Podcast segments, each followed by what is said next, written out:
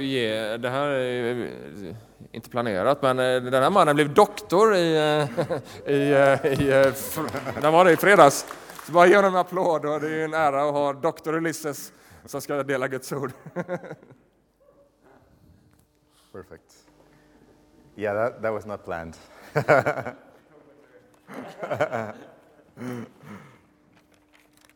um, yeah. So, good morning, or no, afternoon now. How is everybody? I hope you're doing fine. I mean, it's nice. I feel like speaking to family. Uh, so, I mean, we've been talking about, um, you know, Heart for the Kingdom has been the, the theme that we've been these past weeks, you know, delving into. And, and, and we've been, it's amazing because we're making so many sermons out of just one sermon because there, there's so much substance there, so many things uh, about the Sermon on the Mount that, that we can, uh, so many teachings that we can just speak out and, and, and just go deeper. And um, so the idea today is to go a little bit through the, the, the text that we just read. And um, I, will try to cover some of the things that uh, we just read uh, from Matthew 7. And, uh, but first, paint like an overall picture, a little bit of uh, the trajectory of what, what we've been doing with you know, the, this theme of heart for the kingdom. Um, so, I mean, if we go back a little bit, two chapters before that, you have Matthew 5, you know, which uh, it's quite interesting because it, it, it, it's sort of the, the, the, beginning of the Sermon on the Mount. That's where, where it begins. And then um, it's interesting because it's, it describes the distinctive character of what being a disciple of Jesus uh, is, you know. Uh, I mean, uh, Jacob preached about, uh, you know, the, the Beatitudes that, that we know. And so, so you have also these passage where he talks about salt and light, that we're, we're to be salt and light in this world. Uh, then there's this teaching about the love of enemies, you know, enemy love, that we should love our enemies and so on.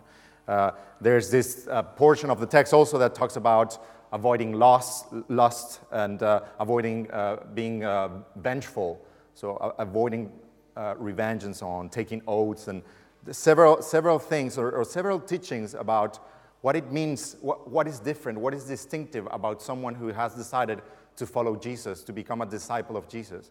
Because that was be, what being Christian means. Uh, is not just a, a, set of doctrinal beliefs, but it's actually a walk. It's something that we do. It's something that we, uh, you know, we, following someone means that we need to take steps uh, uh in our lives. And uh, so to follow him, I mean, from, from these Matthew 5, means like we're, we're becoming an alternative to the world. Basically, it's a very radical teaching what Jesus was doing in Matthew 5. Um, I mean, he, he was going counter uh, some, so many of the common, you know, common wisdom of the time and, and, and so on. And, and what's interesting here is that we become a visible, you know, alternative to the world.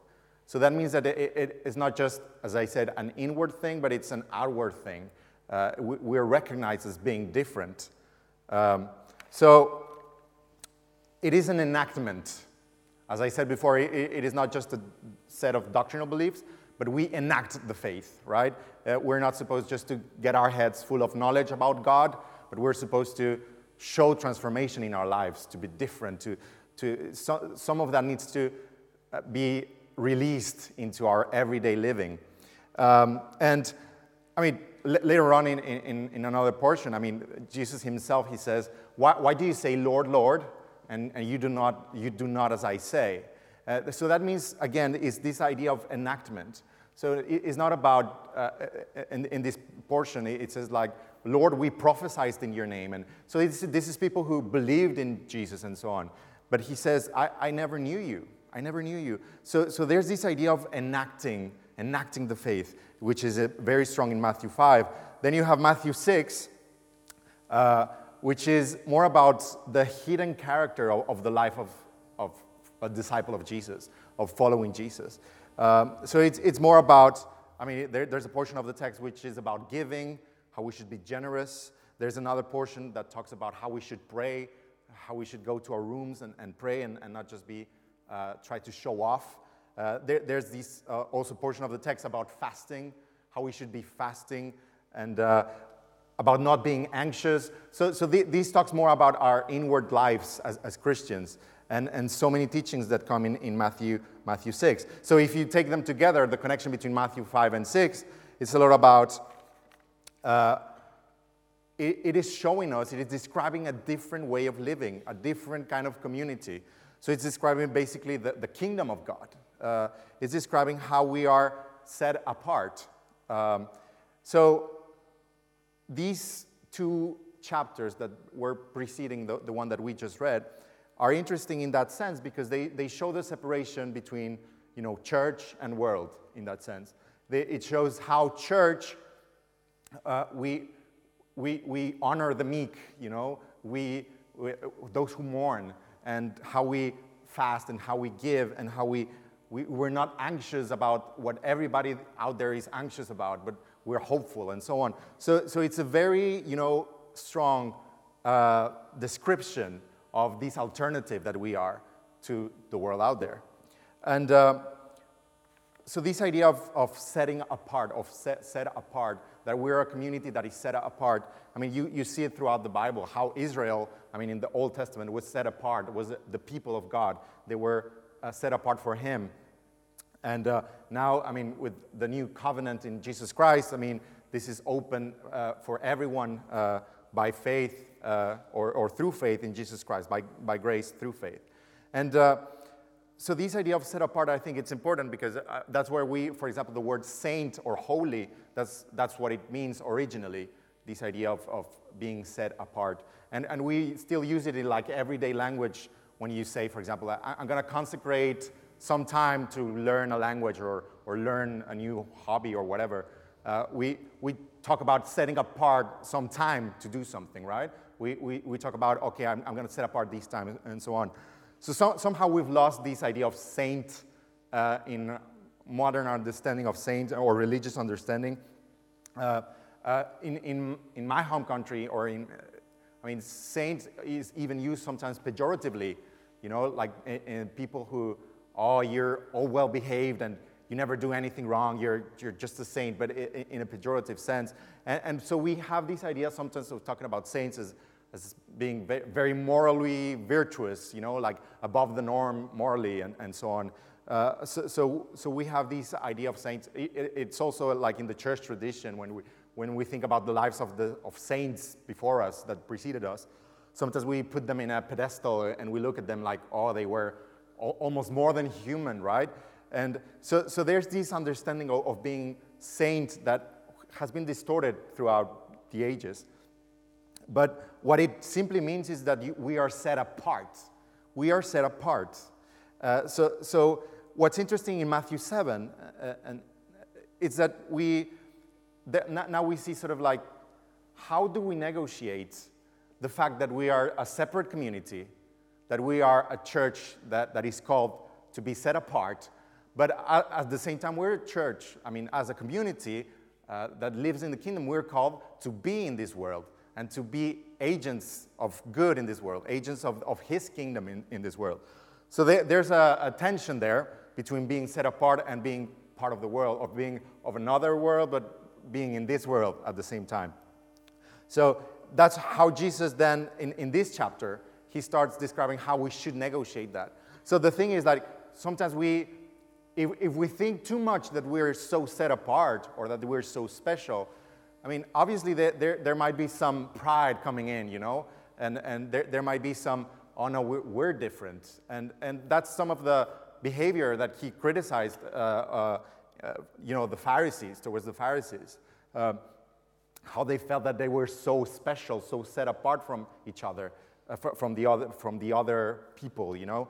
Uh, so Jesus actually is very cautious in, in, in giving us some, some hints on, on how we should behave, how we should negotiate this tension between being a set apart community, a kingdom community, at the same time being in this world and walking in this world.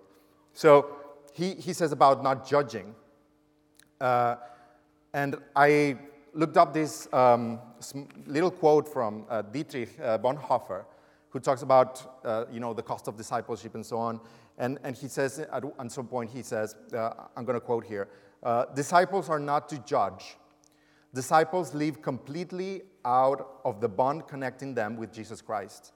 Their righteousness depends on that bond. What makes them disciples is not a new standard for their lives, but Jesus Christ alone, alone, the mediator and Son of God Himself. So, what He's saying, or what He's or for us, disciples, those who have decided to follow Him, He's basically saying, don't think you're superior or, or you have a better moral standard. Uh, what, what, what's holding you there? I mean, what, what's keeping you there is just this bond that you have through Jesus Christ, that you've been forgiven, that you've been given a chance, that you've been shown grace. So, so, so that's why he's saying, judge not other people. Careful when, when you look at other people.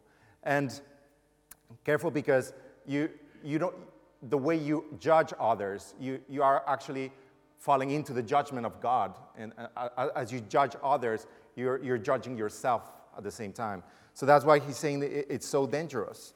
So we need to be trained to see the, the log or the plank in our own eye, as, as we read.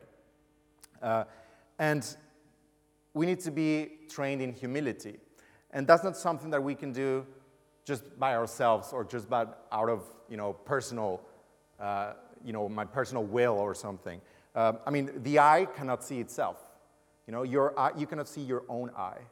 Uh, so that's why we, we live in a community. So that's why we, we are a church, because we need each other. We need to, to, to be held accountable to each other, and we need to grow each other together.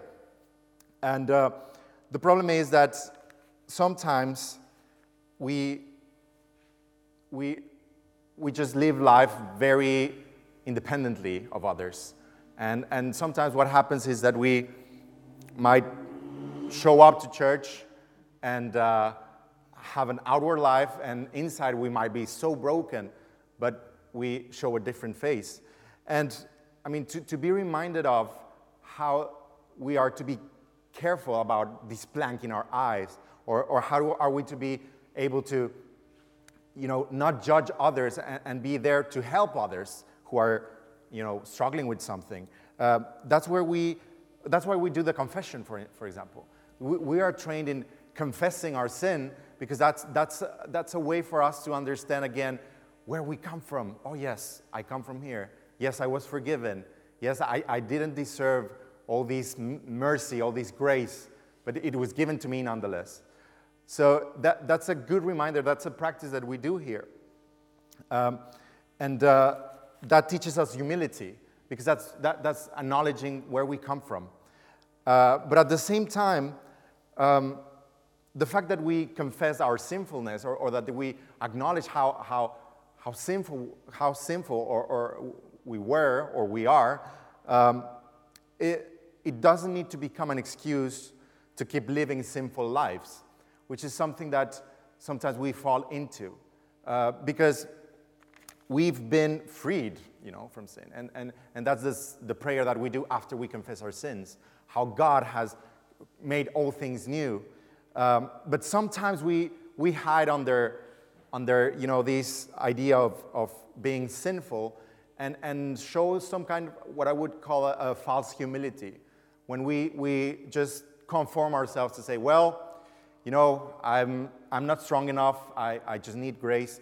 And of course, that's a good position to be in. We need grace. All, we, we should be grace junkies, all of us. But at the same time, being what do we understand by grace? Is, is grace something like, oh, I'm, I'm just a victim of sin throughout my whole life? Or am I empowered by this grace to vanquish this sin, to, to have victory over this sin? So, so that's why I say it's a false humility because sometimes we, we, we just hide ourselves and, and try to feel better just because we confessed, uh, you know, uh, or we prayed a prayer uh, during the worship time. But let, we, we need to, to go perhaps deeper than that and, and, and look in our own hearts. If, we're, if there's a false humility sometimes and, and, and we're just, yeah, use it as an excuse to keep, you know, to accommodate the sin in our lives. Because we know that I mean, there, there's sin, but, but He forgives us. So sometimes we live as if the kingdom of God hadn't already come here with us. I mean, it was inaugurated through the incarnation. It was inaugurated through Jesus Christ, his life and death and, and, and resurrection. Uh, so we, we also live in this tension, of course, between that it has been inaugurated, but it has not been completely, it's not completed yet. So, so it's again a tension, but it has been inaugurated. And, and we shouldn't live like the kingdom of God hasn't come yet, or that the kingdom of God is just another thing that is a afterlife thing. No, it, it's for here and now. It's for us to enter into this life now. And uh, so, and this goes back to the text that we were reading. Uh, how, how do we receive the kingdom then? How, how do we um, go about uh, receiving this grace to be empowered and, and be freed from this you know, false humility where, where we just live our lives the same way uh, uh, because we, we think we're powerless against sin or, or we, we, we just think of ourselves as victims all the time. So that's why we need to receive, I mean, we need to be able to ask and receive. And we need to be able to, li- to learn to live on the basis of gift, of grace. And that's sometimes a big problem for us, you know, because we in the Western world, we, we are so self sufficient. I mean, we're able to work our ways, uh, you know, into having a lot of money. We're able to, you know, be independent and, and, and, and do things that we dream, dream of. If, if we dream of traveling the world, I mean, uh, it's easier to do it when, when we live in a country like Sweden or when we live in the western part of the world. Uh, so what happens is that we, we, we, we have this, uh, you know, the, this idea of freedom being, I, I can do, uh, I, am self-sufficient. I, I, can, I can do uh, whatever I, I, I set my mind to do. And that's counter to, to grace in a way. I mean, very, very subtly, uh, when we live by the gift of grace, uh, that unsettles these, because living by grace means that you recognize your dependency, that you recognize, oh, God, I, is, I'm not enough. I need you so much. I, I need you so much. I'm, I'm not enough. I, I cannot do, I cannot pretend to be so self sufficient. I need you so much. And I need this community of people that you've put you know, around me, the, the church, to grow in that uh, because our relationship with God is not just like this. I mean, it, it also goes like this. Uh, that, that's why it's, I mean, the, the, the two commandments, I mean, it's, it's, love God above anything else and with all our heart, with all, uh, uh, you know, our minds and everything. And, and, and equally important, it says in the verse, is to love the neighbor, your neighbor as yourself. So you have the, these two things. And the problem with you know, this false humility that I was speaking about is that we, when we receive grace for what it is, this empowerment that comes through grace, not just this, I mean, it's forgiveness, but it's not just forgiveness, it's transformation through this forgiveness. So it unsettles the way things are. And sometimes we're just comfortable with our sin, you know? Sometimes we're comfortable the way we live, the way things are. And, and, and, and so that's why we hand on this false humility or oh, but uh, this sin is too great, I cannot do it, God, I'm, I'm so weak, and, and nothing changes in my life, and just like that. But when we receive grace as an empowering gift, as something that unsettles the way things are, uh, things start changing. It, it's different. It's, it's because we, we are recognizing how dependent we are of God. So grace thre- threatens our self sufficiency and our, our independence which are, as I was mentioning, like prized modern values today, in, in, especially in affluent societies. The, the, this control of things and, and these being able to, you know, uh, be the architect of your own destiny and so on. Uh, so the, this narrative, I mean, in grace, changes completely because we, yeah, we can do all things, but in Him, you know, not apart from Him, but in Him, we can do all things. So, ask, seek, and knock, as, as we were reading, uh, in that sense, a lot of times has been interpreted as, as, as, as a cheap, you know, prosperity gospel kind of prayer, or, but, or, or God as the genie in the bottle, you know, that we just come here and, and grant my wishes, God. And, and uh, that, that's sometimes how, if it's taken out of context, how, how, how people might interpret this text. But I think that ask, seek, and knock, I mean, that's why I've been setting up sort of the, the whole context from Matthew 5 and Matthew 6. I mean, if you, if you see, I mean, how the sermon sort of unfolds, uh, he, he comes to this point where he says, ask, seek, and knock. But I, I, I- see it more as an invitation to knock our way toward becoming the kinds of people that he had just been describing a few verses before. So it- it's like ask, seek, and knock. And in terms of how I, I want to enter this kingdom. And the problem is sometimes we understand the kingdom of heaven or the kingdom of God as afterlife things. And we said, okay, how can I get to heaven after I die? Which is part of, of it, but, it, but it's not the whole story. And uh, so, so that's why we, we, we think about ask, seeking, and knock just as an afterlife thing. But no, uh, he's inviting us to enter his kingdom here and now. So that's why uh, he's inviting us to ask him to knock the door because we know that he will open. But that means that th- there's some action on our parts. We need to seek, you know. Uh, we need to, to do things. We need to, to go after him. We need, we need to move ourselves. We, we, we don't need to hide into this false humility where, oh God, you know, and you, you, you're just there victimizing yourself. But we actually need to step forward and, and, and you know, and, and do and, uh, and let God and the Spirit of God uh, take us and where, where, where He wills.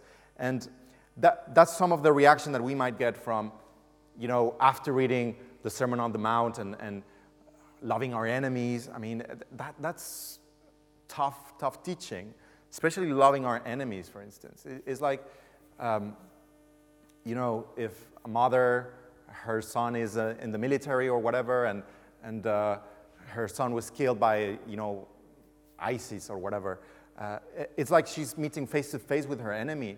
And God is asking her to love this person who killed her son, you know? That, that's not so, it's not easy to digest. It, it, it- it's hard teaching. That's why so, so many people, you know, rejected Jesus' teaching. It, it was like so counter the logic of so many things. And it's still so countercultural. I mean, loving our enemies i- i- is like, who, who does that? But that's what we're called to do. And so, so the interesting part is that you read and sometimes you have this aftertaste of, well, who can do all that? You know, it's, it's, uh, it's I mean, I'm not a saint. I, ca- I cannot do all that least. But as Bonhoeffer was saying, I mean, it's not about a, a new standard of living. It's about our connection to Jesus Christ. And it's about asking, seeking, and knocking. Jesus, I want to become the person that you want me to be. Jesus, I want to be changed. I want to seek I, because I know that you will open the door. But, but, but it requires this, this you know, this be, letting yourself be attracted to the presence of God.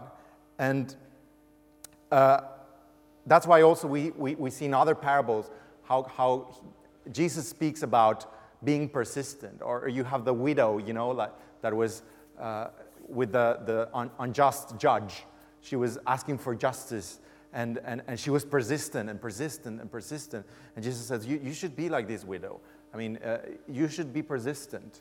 And so, so I, I think God wants to change us in that sense. So, ask, seek, knock is, is that invitation. And what's interesting also about this idea of asking, seeking, not, not just a, as a prosperity, cheap gospel slogan, but a, a- as a true, you know, as a true search for something deeper, for, for being, for transformation, um, is that we, we can only live this kind of life inside this renewed community that is the church. An imperfect community, of course, but a, a renewed community with God. And that's where we come to know God as a loving Father as well.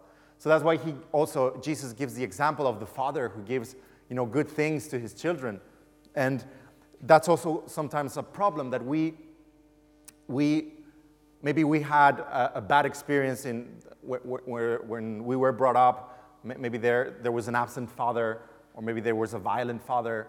Uh, maybe there was something there that has shaped the way we understand the father figure. Uh, and sometimes we project that onto God as well. And, and, and, and some of the fears that we have about God sometimes are, are related to, to, to this condition or, or to these experiences that we previously had about the father figure.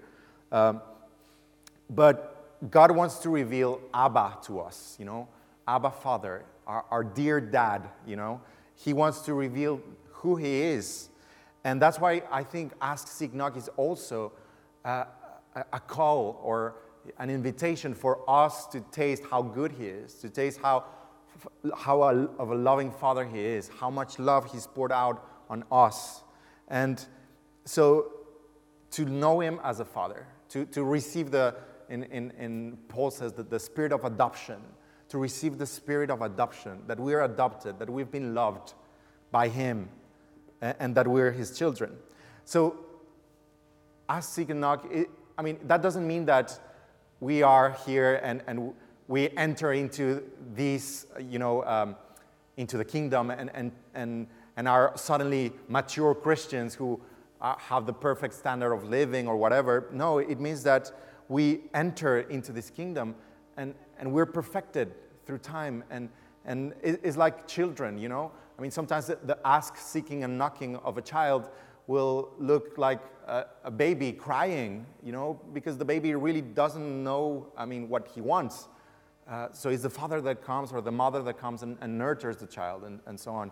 So, in, in, that way, I mean, when, when we're in our lives with Christ, there are times uh, where, we, where we're like babies because they, we, we don't have the, the tools. We, we, we are just starting our journey. And, and that's where it's okay sometimes to, to cry like a baby like that uh, to God, you know? And, but it would be obviously ridiculous if, we, if you saw me like this and I still acted like a child at the same time. So, so we're, we're in, the, in this growth, you know, we're, we're growing, we're maturing, and, and, and we're walking this together. And that's, we, we need each other, but we need to understand the loving and fatherly love I mean, the, the, the perfect and, and fatherly love of God. And as the last point here, um, then that's why I, it comes back a lot to, to the church, because that, that's not something we, we can live by ourselves. We, we cannot uh, know only God as a father, me, myself, as an individual, uh, just in my own walk with God. Of course, that's an important part but it's also the community of Christians, those who are here, how, because this is where we learn to, to forgive, for instance, to live in forgive, because we, we need to forgive each other. We need to offer grace to each other. So the, the, the, the problem sometimes is that we are, um, as I was mentioning earlier, sometimes we, we come to church and, and we don't dare to ask for help. We don't dare to ask, seek, and knock towards others. Sometimes we, we just hide behind our smiles or greetings uh, uh, instead of knowing that church is a good place where, where, where we can actually, you know, get help, where we can get, uh, you know, encouragement where, when we need it, when we can get, you know, we, we can grow together, we can do life together. And that's, that's why God has sent the church. Uh, because the, the Spirit of God is within the church. And, and that's how we are nurtured into this kingdom, how we are how we grow together because we live to, to live by grace because we offer grace to each other because we, we, we, we can ask seek and knock if someone needs help with something. We can come there and we, will help out. Uh, but as i was saying we have these idea of self-sufficiency that it's sometimes so hard to ask for help for us. It's so hard to, be, to feel eh, because it's a vulnerable state. But as I was saying before, we need to live to learn how uh, to, to live by grace means to learn to live on the basis of gift, of being given, to ask and, and receive. And that's, I think, crucial for us to really enter the kingdom and knowing the empowerment that comes through the kingdom because we're restored here. That's where, where we, why we are here. We, we restore each other. We can restore each other. Uh, and so we are here in the church to unlearn this self sufficiency. Uh, we're here. I, I, read this thing um, the other day. I mean, it, it, was like out in the street in, in a building or something, where it, it said something uh, so little time and so many things to unlearn. and that, that's so true at so many levels. Sometimes it's harder to unlearn than to, than to learn. Um, and sometimes we, we need to unlearn these self sufficiency. We need to unlearn these independence and, and learn to live on the basis of gift and, and so on. So it, it's, I mean, it's, it's my prayer today that, that we may know what it means, the, the power of grace, how it, it, it is at the same time being vulnerable, but at the same time is being, you know, uh, it's victory. So it's, I, again, there are so many tensions in, the, in this kingdom, you know. Uh, and so, just to finish, uh, I mean, obviously, in, in, the end, we have we read the, the golden rule, um, which is you know this very famous verse, uh, which when Jesus said, "Well, I'm actually, I can read it."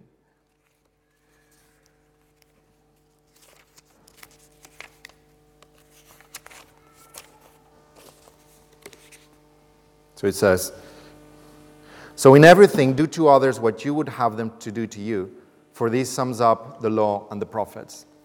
And these, I mean, it's a good way to end sort of the, the, the message because it's like this is, this is how we learn to live asking and receiving.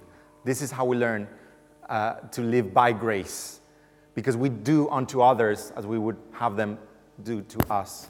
You know, if, if, if, I'm, if I'm in pain, if I'm struggling, I would like someone to come in. And, and, and that's why we, we are a community of grace, because we offer grace to each other. We offer help to each other. We, we nurture this culture of taking care of each other. And, and not just, oh, I'm self sufficient, I'm independent, I don't need anyone. Uh, so that's the, the message for today. Thank you.